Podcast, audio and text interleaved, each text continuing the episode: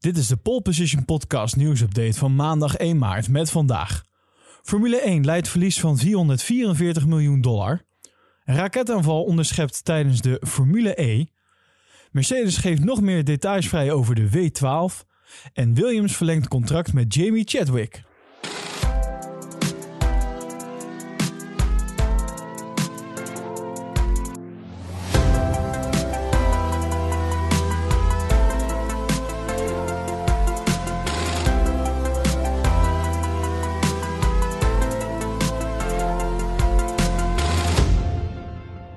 De Formule 1 die heeft ten opzichte van 2019 44% aan uh, omzet verloren.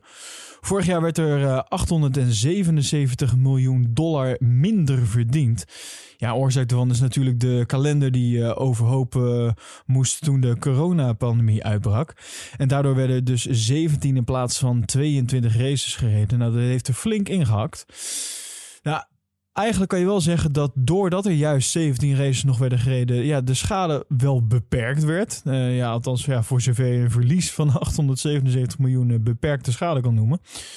Maar, maar ja, lucratieve races zoals uh, bijvoorbeeld die van China en uh, Azerbeidzjan, die werden dus afgelast. En daarbij werd er bij de races die uh, wel werden verreden, ja, werd er nauwelijks publiek toegelaten. En ja, onder de streep kwam dat de F1 Group dus op 444 miljoen dollar verlies te staan. Althans, dat schrijft racefans.com. Ja, 2019 uh, werd ook al in een rode cijfers afgesloten. Toen was het uh, ja, nog, maar, nog maar 35 miljoen dollar. Ja, dat betekent ook dat de teams flink minder prijzengeld uh, konden, uh, konden innen. 711 miljoen in totaal ten opzichte van uh, 1 miljard in 2019. Dat komt omdat we uiteindelijk fors minder racefees hebben ontvangen, ontvangen dan normaal, al dus Liberty Media. In een statement zeggen zij: Dit is normaal gesproken goed voor 30% van onze omzet. En nu was dat slechts 12%. De meeste races hebben geen fee betaald en sommige een heel laag eenmalig bedrag. Ook wat betreft tv-gelden moesten ingeleverd worden. Het aangepaste schema zorgde ook daarvoor minder inkomen. Hetzelfde geldt voor reclamegeld en sponsoren. Er was voor sponsoren ook veel minder mogelijk door het gesloten karakter. Geen hospitality bijvoorbeeld en ook geen andere activiteiten. En daar zijn sponsorbijdragen ook op aangepast. Kortom, een flink verlies voor de Formule 1 afgelopen jaar. En ik, ja, ik ben toch wel heel benieuwd hoe dat dan dit jaar gaat verlopen. Want vooralsnog ziet het er niet heel erg rooskleurig uit. Maar ja, dat zullen we moeten gaan afwachten.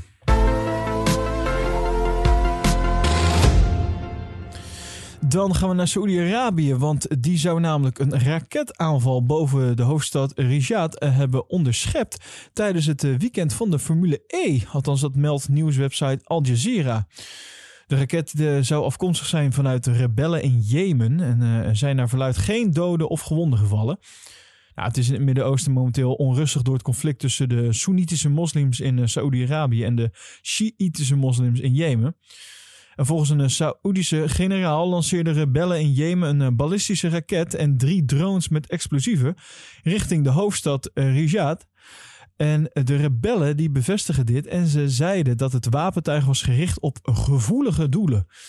Nou, het is niet bekend of ze daarmee ook de Formule E bedoelen, bedoelen, maar gezien de timing van de aanval zou dat niet geheel ondenkbaar zijn. Nou, de raketaanval werd echter onderschept door het Amerikaanse Patriot verdedigingssysteem van Saoedi-Arabië. En op beelden van de Saoedische staatsmedia zouden ook te zien zijn geweest hoe de raket in de lucht ontplofte.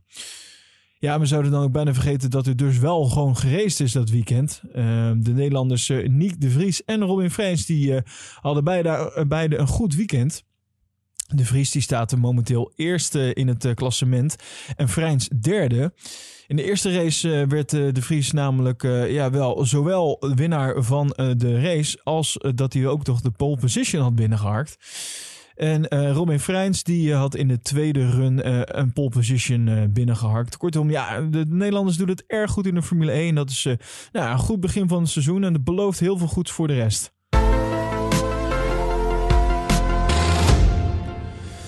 Gaan we door naar Mercedes, want die heeft nog meer details vrijgegeven over de W12. Morgen is het dan zover, dan wordt die nieuwe bolide van Mercedes onthuld. Maar uh, voordat het zover is, heeft Mercedes op Twitter nog een kleine hint gegeven naar de livery van de W12. Vorig jaar startte Mercedes het seizoen in Barcelona met, uh, ja, met de, de, de, zilveren kleurstelling. Maar uh, in het loop van, het seizoen werd uh, deze kleurstelling aangepast naar het zwart. En dat was als steunbetuiging bedoeld naar de Black Lives Matter beweging. Nou, op sociale media uh, staat een voorproefje van de livery van komend seizoen. En dat, uh, nou, er was al sprake van dat zwart terug zou komen. En dat is ook zo. Hij is namelijk nu deels zwart en, uh, en deels zilver. En ook het rood van Ineos, dat zit inmiddels duidelijk in de auto verwerkt, namelijk op de airbox. En uiteindelijk, uiteraard ook gewoon het turquoise van Petronas is ook duidelijk nog weer te zien op de bolide. Nou, naast uh, deze presentatie staan er nog een aantal andere onthullingen uh, ook op het programma deze week. Namelijk Alpine, Aston Martin, Haas en Williams zullen naast Mercedes ook hun auto's uh, ja, gaan, gaan presenteren. En Ferrari die wacht nog een beetje langer, dus daar moeten we nog even op wachten.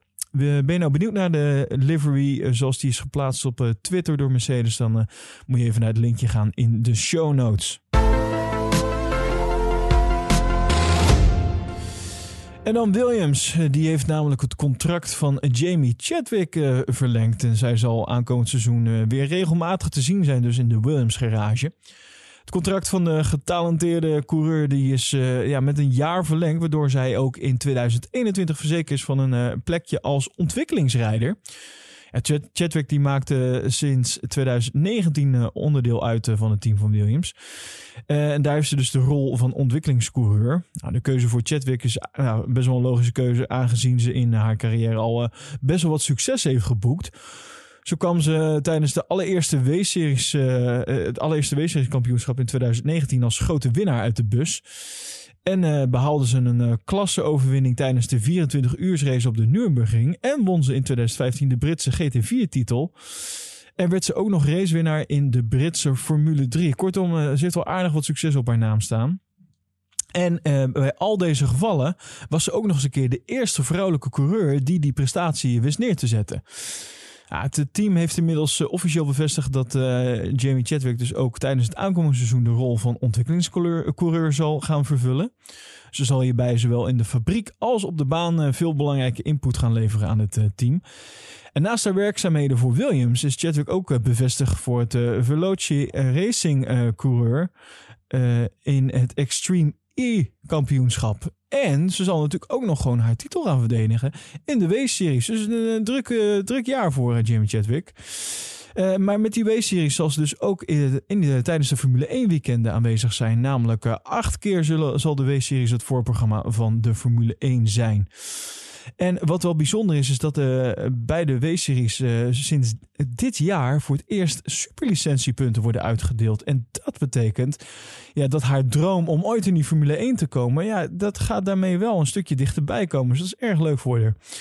En ze is zelf ook dan ook erg blij met de contractverlenging. Ze zegt: Ik heb tot nu toe enorm genoten van mijn tijd bij Williams. En ik ja, kan niet gelukkiger zijn dan dat ik met het team mag blijven samenwerken in mijn rol als ontwikkelingscoureur.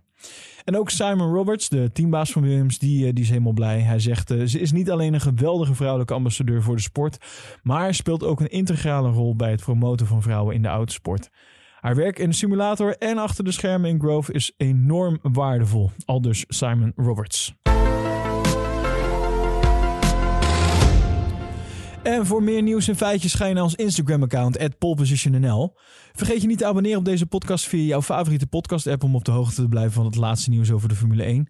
En vind je deze updates nou leuk en wil je ons financieel steunen? Kijk dan even op petje.af slash poleposition voor alle mogelijkheden en leuke bonussen.